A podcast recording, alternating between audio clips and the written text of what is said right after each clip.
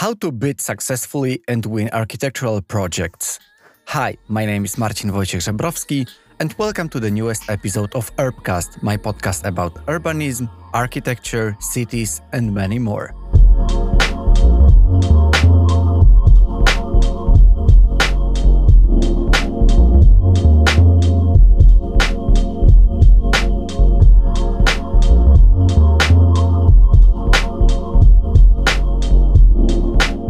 And today I would like to invite you to another episode of Business Development and Communications in Architecture series. I had a big pleasure to talk to Halfdan Kravak, who is the bid manager at AART Architects right now. But we met at Henning Larsen when he was also responsible for business development, working with private clients. And I just thought that it will be very, very useful for, for you, the listeners, but also for as well me to talk to Halfdan and uh, ask him for his experience in business development and his transition from architecture student to the bid manager at AART Architects right now. We talked about the backstage of Halfdan's professional career, about how to transition from an architect into more communication and business development role, how to successfully bid and apply for architectural projects, how to bring them in the house, and what do you need to be a business developer yourself? We also talked about how to win work. So we referred to Jan Knikker's from MVRDV studio book, which is called How to Win Work. I asked about Halfdan's reflection on that book as well as I asked him on his own advice to offices, studios, or architects who would like to promote their work and bring more work into the house. I think that one of the things that is worth to emphasize during our conversation is that Halfdan said that architecture is about many things, and one of them is uh, driving the business and that having a business and running it also means selling your, your hours of your business work. So it is just important to know that architecture, even though it sometimes might have this romantic image of designing our surroundings and designing cities and designing buildings and so on, it is a business on its own as well. And you need to provide a business case for it as well. And one last quote I will just say right now, which will uh, be emphasized in our discussion, is that always try to understand who your client is.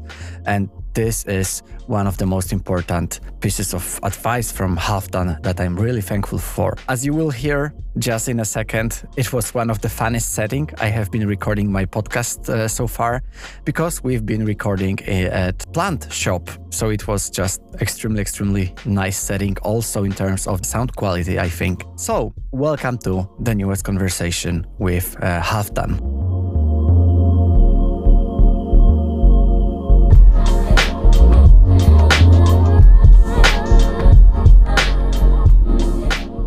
Halfdan, welcome. Thanks, man. Thank you for having me on the podcast. Very excited. I'm just very happy that we are recording in the most crazy and, and funny setup that I have ever recorded my podcast in.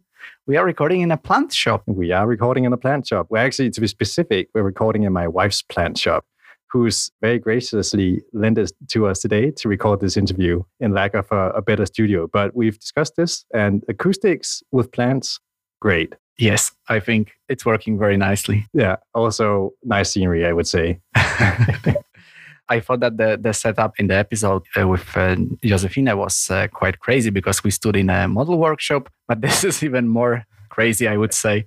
This is like the alternative version, but you don't get like the crazy uh, fumes from the sort of glue and materials that you get in the workshop, I guess. That's the downside. Yes, I think that this uh, environment is just causing that the stock might be uh, very loose, and but of course we, will, we would like to keep some content as well. And I think that we will just start with the with the main topic of our discussion because I'm just very happy that you joined the, the series that I've been making for some time, the series about business development and communications in, in architecture. And I think that when I talk to people working in business development and communications so far in the architecture offices, they have been studying, they've graduated as architects.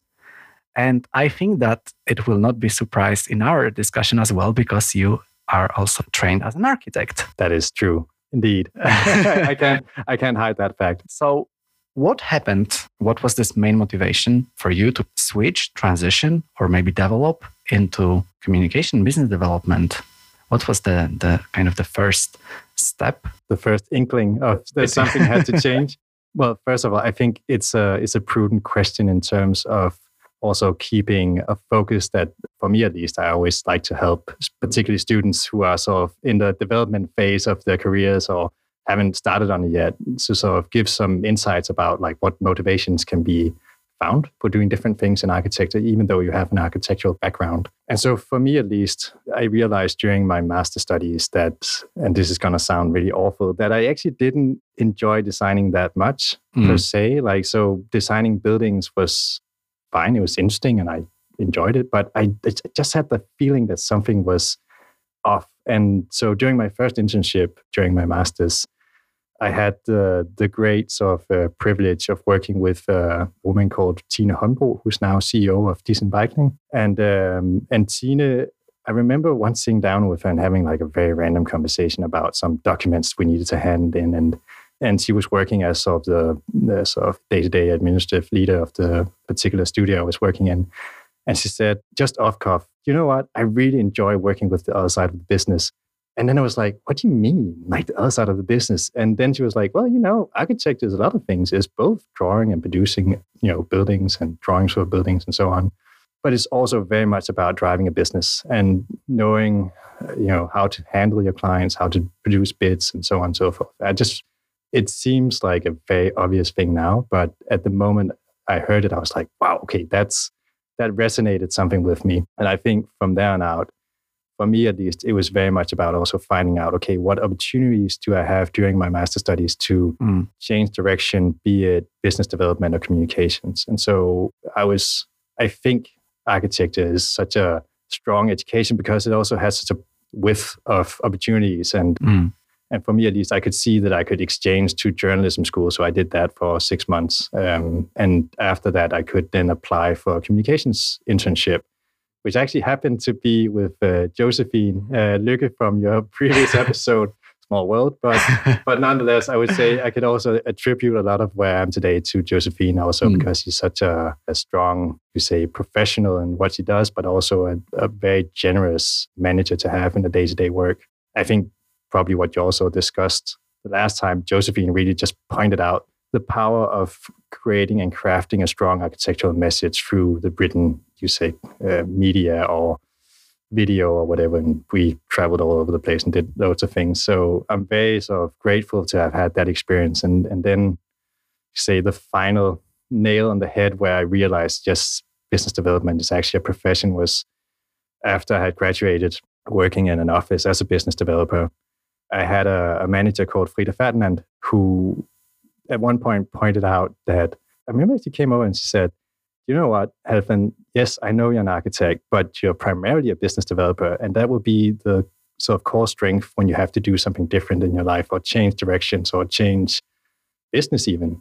You won't be dependent on working in the building industry. You can do whatever.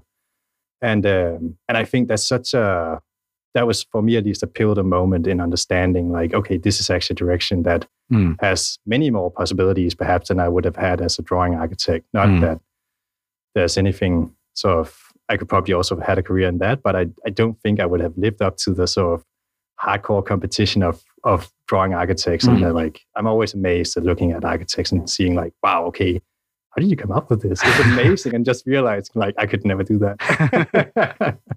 yeah. But I think that this the big strength of business uh, development and business developers like you is that you can take this idea, this drawing, and just develop it in a way of other forms like presentation or just uh, showing it to the potential client, gaining this um, this opportunity of developing the, the project further and since you also mentioned that you didn't know at the beginning that there is something like business development behind this whole big architecture world, why do you think is that? Because like from the one hand side, it is so important for any architecture office, bigger or smaller, to get the work in, right? So to acquire the projects and promote their work as well.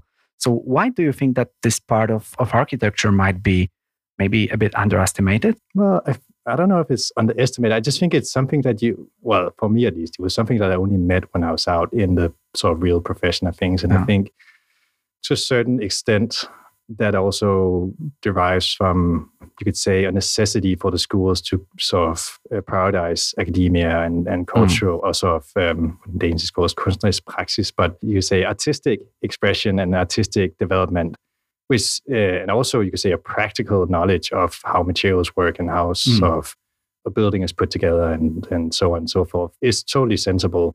But you could argue that perhaps there would be uh, a value created in having subjects that specifically talked about management of architectural offices and business development and sales and acquisitions and PR and so on. But I think to a certain degree, you also see that happening now. I know at the Copenhagen School of Architecture, at least, that they have a program that's sort of half of them is, is Copenhagen Business School and half of them are, are architects, which I think is such a brilliant idea. I remember sort of hearing about and being like, oh, I want to do that. I like that.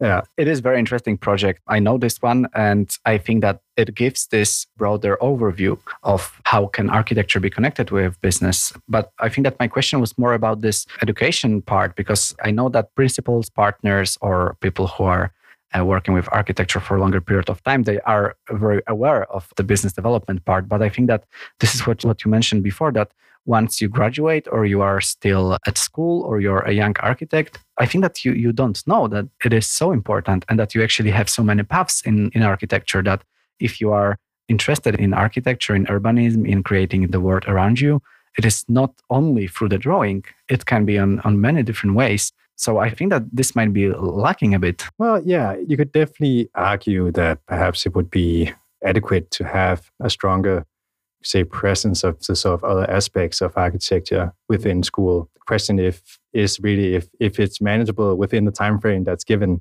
But I also think it's also why sort of internships and sort of going out and acquiring practical knowledge by working in an office is during your studies is really a valuable asset and is is one that really, least in Denmark, says the architectural education apart from any others. Mm. And um, that also sort of dresses you and gives you sort of a you could say a direction for what you do with your, want to do with the master studies when you get back. And then could always question whether when you come back to school, if the school can then accommodate your newfound interest in communications or not.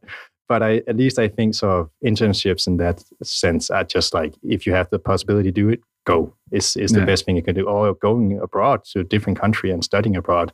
It's also a complete eye opener, I think.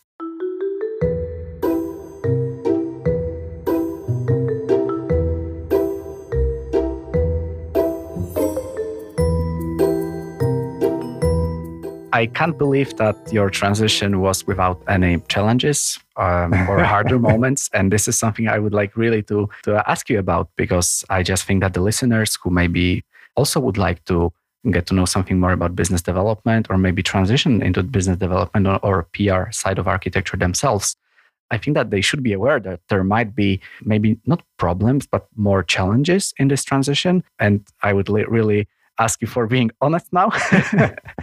what were the, the main uh, challenges you, you faced? Yeah, sure. I mean, I think the main challenge, I could be very specific with this, was staying away from school for one and a half years before returning and doing my thesis project, which is a very like is an idiotic idea. You should never do that. I cannot recommend it to anybody.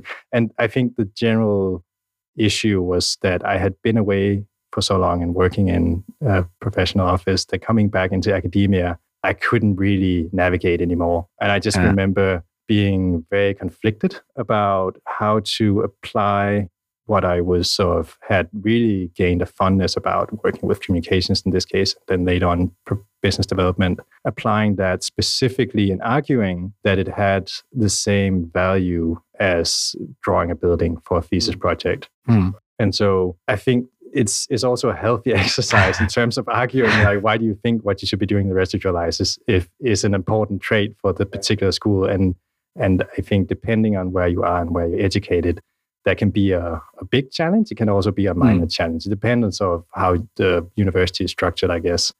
And also you could say, without becoming too technical, what is the sort of requirements for the universities to their students, which are mm. often set as a contract between a state ministry and the school. So obviously yeah. there are some things that you need to do. Can't get around them, but you can sort of tweak them a bit. So yeah, I think that was a major challenge. I remember being fairly stressed out about it actually. Mm. I think that was a, like the only time in my studies where I was really like, okay, this is this is tough and this is going to be a challenge. and then thankfully I had a, a professor who was like minded and could see the prospect of why communication and business development is an inherent trait of being an academic architect or being an architect. And once you overcame the struggle, and by, so by finishing, by, by finishing uh, your school, and once you became the person who started to work with PR and communication, and business development, how did you learn how to be successful in that position? Yeah, did it just come with time, or was it some practical advice from your coworkers? I'm just uh, curious about this learning process, and and I'm also asking both for my uh, listeners, but also for myself. Yes, I think perhaps also a good time to put in the disclaimer that you have you started working as a business developer. Yes. yes. Congratulations. That's really that's so cool. Well Thank done. You. But no, I mean returning Cheers. cheers. We also brought beers to the plant shop just to make things even more nice. No, but returning to your question. So what are the sort of practical aspects of learning how to work with PR business development? And I think it makes sense to actually use a term that we'll return to later on uh, I think, or a definition that's been coined by a person we'll talk about later on, where you could say that PR and business development are two sides of marketing. And so, whereas marketing works as an umbrella for everything, then PR is the sort of long term definition or sort of scoping of the brand. Mm. And then you have, which also contains communications. And then on the other side, you have business development, which basically is sales and acquisitions. And I think it's important also to be honest about that, that having a business and running a business also means that you have to sell hours to actually make the business work.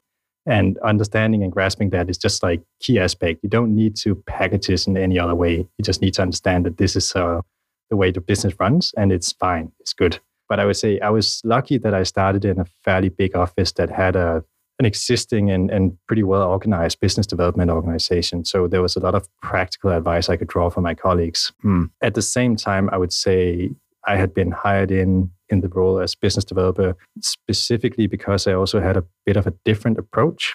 I didn't work with public tenders. I worked with private clients, specifically throughout the Nordic markets. I was very interested in how we used uh, like digital media to mm figure out like how to work with clients and so on, and how to use our message and, and, and being very aware of the communication skills that I had and applying them.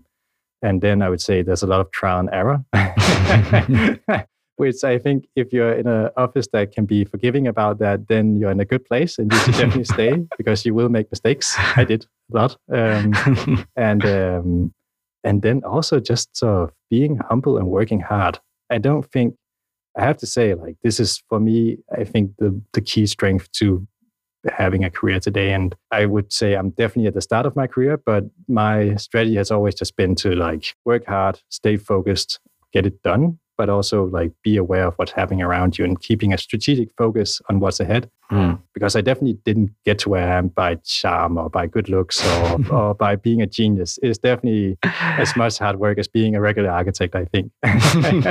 so there is this part where you really need to work hard. Yeah. And it brings me to my next question because once you compare the work of an um, architect designing and also sometimes staying overtime and finishing some projects before the, the deadline, once you apply for a project instead to acquire some new opportunity to the office as a business developer, you also meet some deadlines. So it means that you also sometimes need to stay longer and just work longer as well. But how would you compare this kind of profile of working in business development versus working as an architect? What are the common fields? And where does it differ the, the most? Hmm. I think, I mean, for me at least, working with business development also means working in a competitive environment. Hmm. Not internally, but of course externally, because you're applying against other companies. So yeah. it's very, it has a lot of similarities to working with competition architecture. It's like, but I hmm. think the, the main difference is, of course, that when you're applying for projects, be it a public tender or private pitch or, or doing a bid for a specific project is pretty condensed. It's perhaps a month or two months, and then it's like very intensive. But you also really need to be focused on what's ahead. So you're always planning ahead, always keeping an eye on what were the strategic goals. And if there's any upcoming projects in six months, you need to be aware that you have to do the teaming and have to do the preparation, have to take the client meetings and be aware of what stakeholders need to be approached before you can actually do the bid. And I think that's also the exciting part of the work that you need to have that duality of both being able to work very intensively on something, but still keeping an eye out in the distance and seeing what's going on. You could say the, the end goal is always to have a healthy pipeline of projects running in. So you don't sort of spend all your time doing applications. Oh, and then you're very busy. And then yeah. all of a sudden, then you, because you didn't focus on what was ahead, you have like a big gap and no projects mm. coming in. That's really sort of the worst situation you could be in as a mm. Sort of bid manager or business developer. But it also means that you have quite a bit of sort of um, diversity during your everyday work. Yeah. You could both be working on an application or a pitch or whatever, but you could just as well be out meeting with clients, or you could be speaking to collaborators, or you could sort of be doing desktop research, or being out in the field talking to whoever, mm. or screening leads. Or so, and for me at least, that flexibility is really a key aspect of why I enjoy that work. Mm-hmm. Um, but of course, as you were mentioned to begin with, there are deliverables. It will be high paced. So you need to also enjoy that part of, of the yeah. work. But I wouldn't say, I mean, just to sort of round that aspect, I wouldn't say it's, I've never felt it as a stressful aspect. And that even applies now. I became a father very recently, about, well, not quite recently, a year ago. and I think for me, the sort of defining moment was sort of starting off with work again and then seeing, okay, how do I balance being a, a father and being a present dad, then with the combination of also having requirements and a obligation that I feel towards my employer. Mm. And I think that's totally doable. I mean, it's very much about how you prioritize and and being selective in the, the way you approach assignments and the work you do, which I I think sort of applies, of course, for everything, but especially for competitive work. Mm. You need to be like super selective, but also to ensure that you pick the right projects to apply for. And that comes with time, I guess. yeah. yes. And I would say it's not like, I don't think everybody, so anybody really learns it 100% you will always make mistakes. And that's also important to sort of be fair to yourself, I think.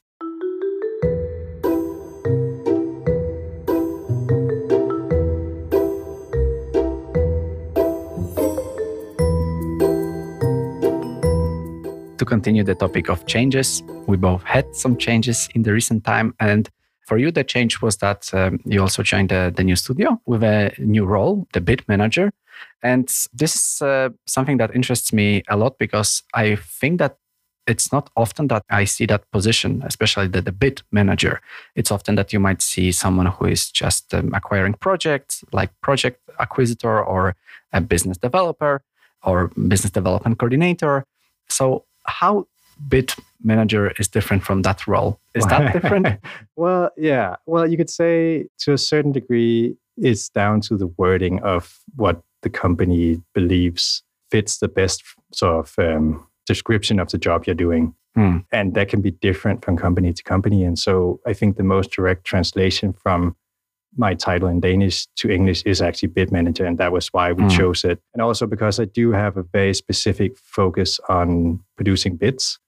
At the same time, you could say I also do a lot of other things that you could connect to, I guess, like a business development manager which is basically, I mean, sort of when in the daily task of things, organizing teams, searching for projects, screening, producing applications, also making sure that you're actually fulfilling whatever strategy the company has. But you could say the the overall most important thing, and I think that goes, I think the the overall task, whatever you call yourself, bid manager or business development manager or business development coordinator or whatever, is that you are acutely aware that what you're working with is taking your company's or studio's unique selling points mm. and transforming that into a meaningful value proposition for the client.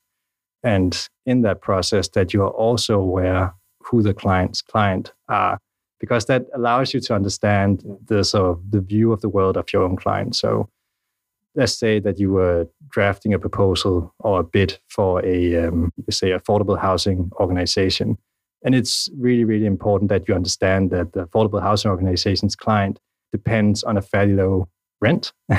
so you can't go around sort of building everything out of gold and, and, and silver and being like, oh, I'll just spend like a, like a zillion square meters on nothing.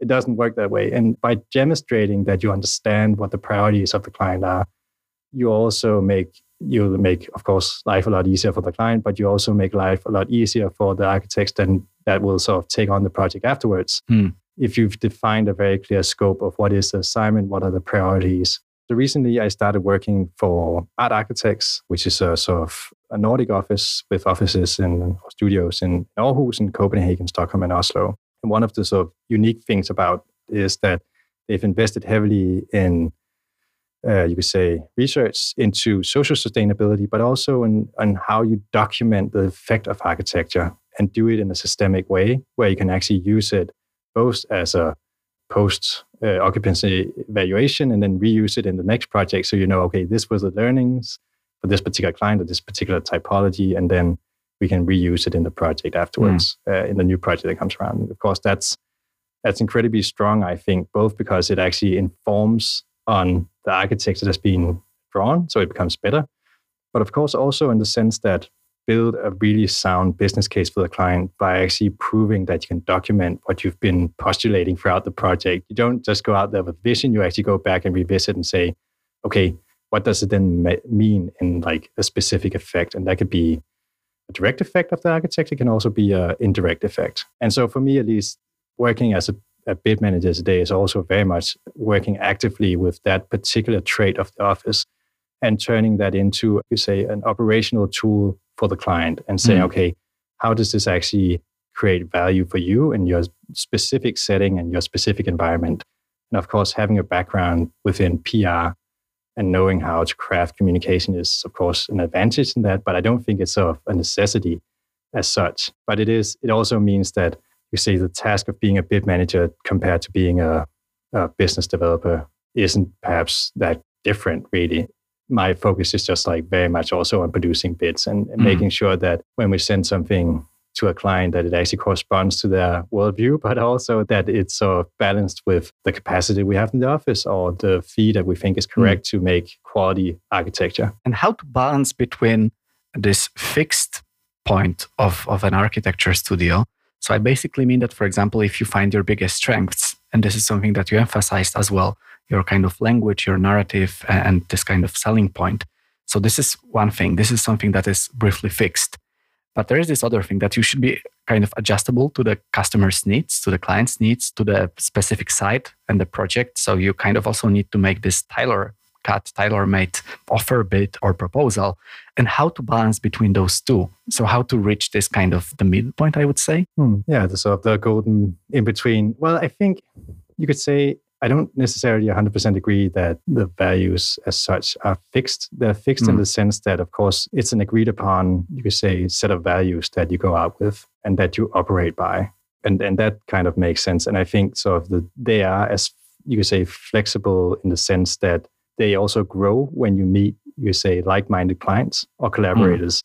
And I think you have to allow for that growth that you sort of also say, well, this is our values, but we also grow by them and with them.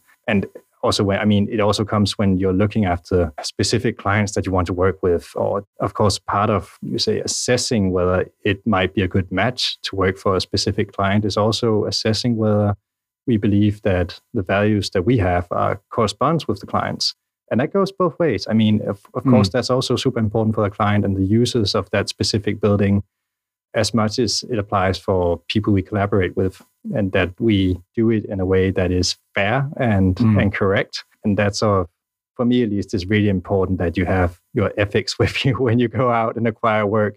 And I think that also shows in the projects when you can tell if it's a good match, you can also just tell it's going to be a good project. Mm. That's like the, I, for me at least, is one of the best feelings being able to shape a potential future architecture by ensuring that it's a good match of values, but also that the team taking over and actually drawing the building has good conditions, mm. are aware of the client's priorities, and also seeing that the client or our collaborators have a fruitful process. And I think at the end of the day, because I mean, consultancy is also selling hours, and that's how you kind of survive. You also have to raise the question to yourself what is the effect of those hours? Are you selling hours because you need to produce drawings. Mm. That's perhaps not value creation, but are you producing something that moves in a particular client or particular organization mm. and creates positive impact? And I think that's incredibly powerful. And when that happens, I mean, you go home really proud and happy, and then you hope and you believe that your colleagues who are actually drawing the building will produce something amazing, which is, I have to say, always the case. I'm always amazed by what the architects will do. And I'm always like, wow, I didn't see it coming. Like I didn't see it coming. And I'm totally stoked about it. Okay, that was just my next question about the most rewarding part. Because uh, from the experience of a designer myself, I can say that, of course, once you are working on a competition, the most kind of happy, joyful, and rewarding moment is once you just submit the project. And of course, the second nicest feeling is once you win the competition and how it looks like in your field. It's very much actually the continuation of that notion of seeing the project develop. I've always been like a advocate for celebrating whenever the project goes into a next phase. So mm. when it leaves one stage and goes into another, I think that should totally be a, a champagne worthy gathering and, and celebration because it is it is like the next offset for for the future architecture and then of course also seeing the building in action and seeing it working and following it throughout the years so it should also is i don't think i said this at the beginning but uh, my career hasn't been like ages and ages and ages. I'm talking like oh i've been doing this for years and years. That's totally not true. I started in when did i finish? 2016 but i've been lucky enough to see one of the first buildings that i was on a team which we acquired be finished and actually is now in operation. Whenever I I pass it, I'm like very very happy and proud to see what it turned into and proud to have known the architects who actually grew it and stood for sort of all the sort of final stages in terms of construction and, mm. and following it up to the point of delivery. It never really ceases to amaze me how that works. of course, I agree that um, your career is not like extremely long yet, and there is a lot of things to learn still.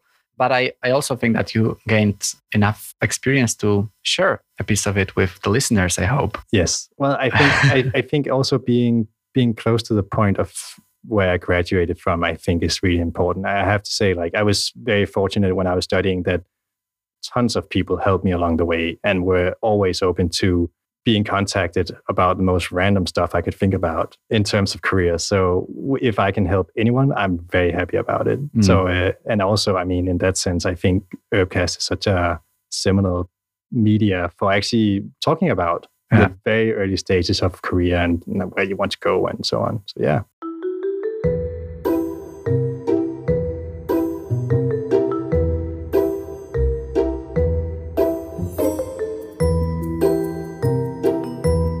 Yes, and, and that's why I'm happy that we started this conversation with uh, talking about this development and this transition from studies into the kind of the working environment. And I guess that there are also some students listening to us, but I hope that there are also some people who are listening to us who are responsible themselves for acquiring projects and for winning work because uh, winning work is something that I would like to talk about right now. And especially, I would like to ask you how to win work. And how to win a work is also a title of a book written by Jan Knikker from MVRDV. And um, this is a very interesting book. I've already recommended that on um, LinkedIn, and many people just wrote to me afterwards and said that they are very happy that I that I recommended this book because it is kind of very nice set of practical advice on how to develop this business side of an architecture office. So, what would be your number one tip for uh, for architects, but for also maybe for architecture studios who are thinking about how to kind of level up their efficiency if it comes to to acquiring projects? I think, oh man, being pitched against Jan Knikker, that's a tough one. It's uh, as an offset, I would say it's a really it's a nice book. I wish it was had been published when I started because there's so many things where like ah, I wish I knew that and didn't have to like invent things myself. But uh, yeah, I think without sort of trying to uh, or accidentally sort of paraphrasing what uh, and Knikker sort of talks about, I think for me at least, one of the most important aspects of being or producing successful bits or, or working successfully with business development is also about staying focused and staying true. And that sounds kind of lofty, but I actually think it kind of rings true that you really need to stick by your values and and be honest with yourself about what do you want to work with and at the same time be pragmatic about mm. so what can be done. I had an interesting conversation the other day with uh, an architecture studio which started a few years ago and it was started by like very senior project managers. Like they had been out and working for years and years and had big networks. And And so it, during the course of the conversation, they sort of told me about sort of how they had made this very elaborate strategy and been like very specific about what do we work with and what do we apply for. And and then after about two months, they were like, okay, this doesn't work. We need to like think broader and actually get some work in so we can hire some people so we can have some volume and then we can start to decide and i think that was that was also kind of a nice point that you also you need to find that balance between being you could say focused and selective but also of course making your office run in a good and practical way and and being minded about spreading out the risk of you don't have one project with one client only but you have perhaps several some of them are private some of them are public and so on mm. and i think that that's very sort of that applies for all sectors of at least in building industry, but I think also generally in consulting that carving out your niche as a consulting company and standing out from the crowd, be it mm. I mean, having say invested in in social sustainability research or practical methods of documenting things or or being like very nerdy about CLT or whatever. I mean, if you have something that is uniquely yours and that is of of you could say a knowledge that taken time to acquire and actually grow, that is a great offset for growing a business. And mm. then, of course, I don't want to talk too much about the practical things. I would then actually just want to recommend Jan Knikker's book because I think there are so many nice practical tips. And I, and I think also not being afraid to go out and talk to clients and not being afraid to go out and talk to collaborators and not being afraid to fail because that happens a lot mm. and you learn so much from doing it. And then hopefully you don't mess up the big ones. And, and if you don't do that, you'll be fine. So your number tip would be just don't mess up the big projects. don't mess up the don't mess up the big projects. Yeah, exactly. That's the number one tip. Oh, I think no. I mean, I would say definitely stay true to your values and don't be afraid to go out and and yeah. test if they sort of can be applied in a practical sense mm. and and always try to understand who your client is and, and what their motivation is for doing mm. things. If you do that, then I think it's it's a pretty good offset. And then all the practical stuff you can learn that along mm. the way. Invent it or read a book. I didn't want to put you against Jan Knikker because we both know that this book is very brilliant and in terms of ideas that Jan is sharing with the readers. But I just really thought that we can enrich this vision of his and that we can put it more into the Danish or especially Copenhagen context, because this is the place we are recording this conversation and where we are both living actually. This uh, brings me to the this last wrap up question that I would like to ask you. And this could be still more in this mm, Danish context. I think that there are mm, also like many people listening to this podcast and hear this small architecture Copenhagen bubble uh, as well. The question is do you think that architects in general, or those based in Danish offices or in Copenhagen offices, can promote themselves and can promote their work? Like, how does it work in the Danish context? Because I think that one of the things that I realized in Danish society that you rather don't want to step out, right? You you rather would like to become I don't know if the word average is is good, but just rather to not be up come just in front kind of maybe to put it that way. Mm-hmm. So, do you think that the architecture offices, architects especially, can promote themselves, or, or they rather prefer to kind of stay low? Well, I think to be fair, I think a lot of them are actually doing it. I think a lot of them have developed a very, very skilled approach to it. And I think that comes from a range of offices during specifically sort of the mid 2000s, which really sort of caught on to the idea of using communication in a very different way in architecture without being very specific about who they were. I think they really sort of also made it a bit more legitimate to talk about the business side of things and, and how to use branding. That being said, I think there's always a lot to learn. I hmm. think mm. both from other industries, to be honest. I think one of my sort of things I really want to do this year is I want to sort of create a group of, you could say, people engaged within acquisition sales that are not architects. Like from random sectors, not, not random sectors, but other sectors. It could be like pharma, it could be other parts of consulting, management consulting, and so on, and just seeing how they work and how they sort of use sort of sales and man- marketing and PR in different ways than we do within our own sector at the moment. Mm. I think that's at least one aspect because I definitely feel a need to sort of grow. And I also think we can learn a lot from other countries and other ways of doing things. One of the most, you could say, fear provoking things that I used to do was call my sort of American colleagues when I was working in a different office because they are like very upfront and like very sort of business minded. And it's great because you get like a jolt of lightning. you're like, oh, I didn't know we could do this. And they were like, yes, of course you can do this. I mean, go get it done. Talk to these people. Like, what are you waiting for? Which is great. You need to sort of put yourself out of the comfort zone every once in a while. And I think, even though I, I actually think Danish architects are pretty good at promoting themselves, you can see that internationally as well. I mean, it's going fairly good with the export of Danish design and architecture. I think there's always room for improvement, definitely. And I think there's also reason to keep ahead. I mean, in terms of being specific to what is the unique selling point of any given office. Also, because you see, as with anything, once something has become a trend for a while, it, it loses its sort of symbolic value. I mean, be it sustainability, you can almost not say the word today because, yes, of course, everybody works sustainable, thankfully, or do they?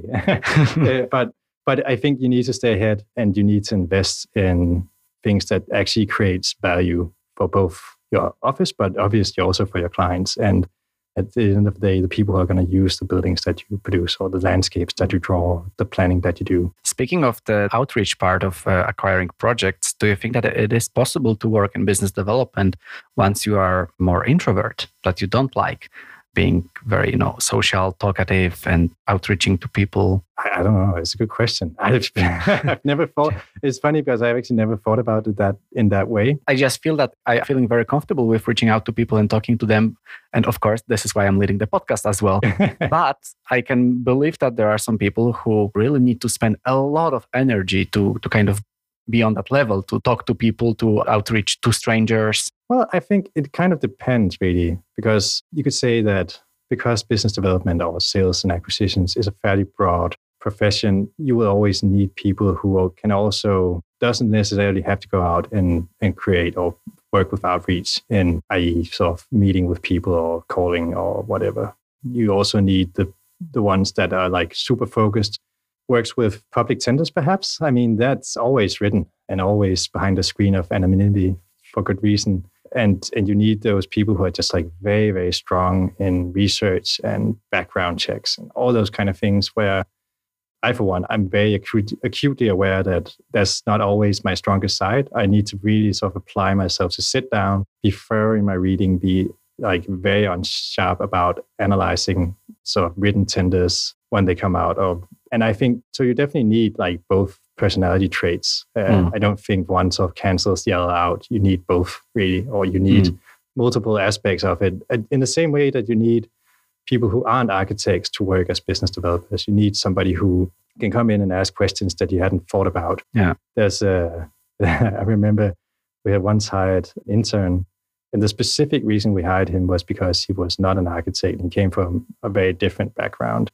And he was amazing in many sense, but also just because you come in and ask questions that were sort of blatantly obvious, but at the same time was sort of like very important to actually reconsider. I remember once he came in and he said, How do we actually make money in this place? And I was like, That's a good question. like, that is actually a very good question. Why why are we doing this the way we are doing it? Is the way we're like making money, is that actually the right way we're doing it? Does it create the right amount of value? Is it even efficient for the client the way we're producing our bids at the moment and so on. So I think, I mean, it's always of great value to have other professional identities within your team. And I think you should definitely try and strive to to acquire it by all means. It's never too late to learn and, and educate yourself. And that brings me to my last question, which will be about um, the book recommendation. We talked about a book already, but maybe you have something else to recommend to the listeners. Yes. Yes. My recommendation for a book is by a French philosopher. And sorry, all French speaking people, I'm going to mispronounce his name now, is called Henri Lefebvre, I think. but the book specifically is called The Production of Space, which I read when I was studying in Berlin. I exchanged during my bachelor studies, I think. And the nice thing about German architects is that they're sort of very grounded within philosophy and have a like very strong tradition for reading philosophy. And so we were asked immediately to read this book and not show up before we had done it. And without going too much into detail about the sort of broader aspects of the book, what I think at least it did for me is that it really opened my eyes to thinking about space, not necessarily as a physical aspect, but also thinking about space of politics or economy or social space. And it should be noted that the author was a Marxist, and the book is also has a lot of Marxist notions. And it wasn't because I turned into a Marxist reading it, but I think it was, it was really good. So being aware, and I still think it's really good being aware of the systems that you work within or the framework that you work within, and, and also how you look at space and how that space then translates into society or economy and so on and so forth, mm. especially as a business developer. There's also a very, very enjoyable passage where he berates Bauhaus for being like a puppet of the state. But uh, but uh, I would say uh, read it. It's not a book that you can sort of just pick up and read five minutes and then put down again. Well, if you're a genius, then probably yes. you need to sort of apply yourself a bit. But I, I think if you do that, it's definitely the reward worth it. Mm. Halfdan, thank you very much for this book recommendation and for the knowledge as well, for sharing your experience. And uh, I think that even though we also had this very cozy environment regarding this conversation, with having some drinks and being surrounded by these beautiful plants, we also managed to share some valuable knowledge with the listeners. I hope that we we reached that goal. So I'm just very thankful. Well, thank you, Martin. I think uh, thank you for having me on the podcast. I keep up the great work. I hope uh, I hope to see you out there, and I so look forward to listening to the next episode coming out. Thank you, and I hope to talk to you soon er, and meet up soon again in this uh, flower shop. plant shop should be said. only green plants. Yeah, by all means, let's say that. All right. Thank you. Cheers. Bye.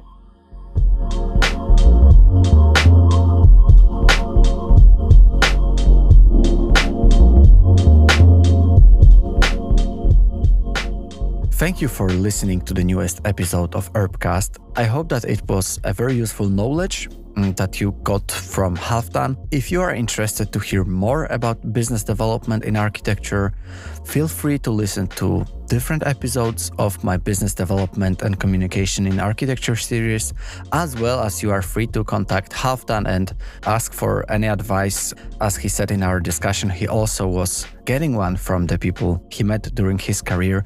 He would love to share his knowledge as well. So thank you one more time if you would like to follow Urbcast on social media, you can visit my Facebook, LinkedIn, or Instagram. And also feel free to write me a message on one of those uh, social media platforms or just writing to my email info at urbcast.pl. Thank you and talk to you soon.